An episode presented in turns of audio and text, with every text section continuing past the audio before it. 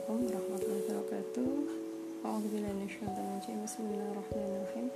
Allahumma shalli ala sayyidina Muhammad wa ala ali sayyidina Muhammad. Jumpa lagi teman-teman.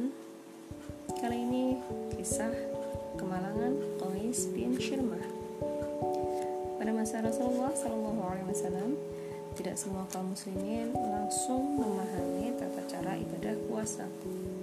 Saat itu bahkan ada jika seseorang tertidur saat malam hari bulan Ramadan dan belum sempat berbuka, dia tidak boleh berbuka.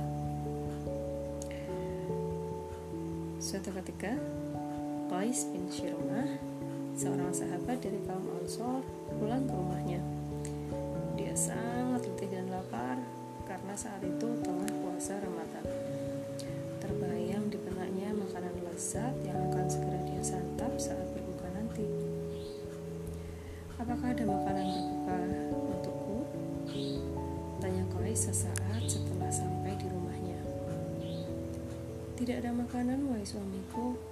Namun, aku akan coba mencarikannya untukmu. Jawab istrinya. Istri Qais pun segera mencari makanan untuk suaminya. Sementara itu, karena perutnya lapar, ditambah lagi dengan tubuhnya yang sangat lelah, Qais pun mengantuk hingga dia pun tertidur. Tidak lama kemudian, istrinya pulang ke rumah. Waktu itu hari sudah gelap, sudah lewat waktu berbuka. Namun Qais masih terlelap tidur. Istri Qais pun segera membangunkannya.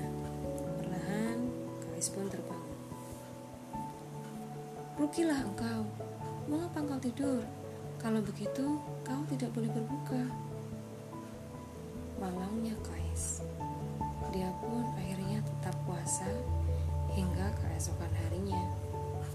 Karena kelelahan dan belum makan sejak kemarin, Qais pun jatuh pingsan. Berita pingsannya Qais ini sampai kepada Rasulullah. Beliau pun menanyakan penyebab Qais pingsan. Setelah dijelaskan, barulah beliau mengerti. Dihalalkan bagimu pada malam hari bulan Ramadan makan dan minum. Sabda Rasulullah. Gitu ya teman-teman ya kisah tentang kemalangan bin Shirma karena belum memahami tata cara ibadah puasa.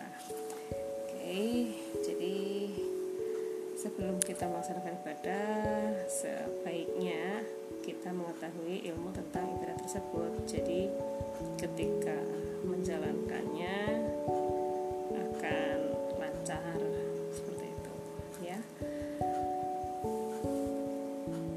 Oke, semoga bermanfaat. Assalamualaikum warahmatullahi wabarakatuh.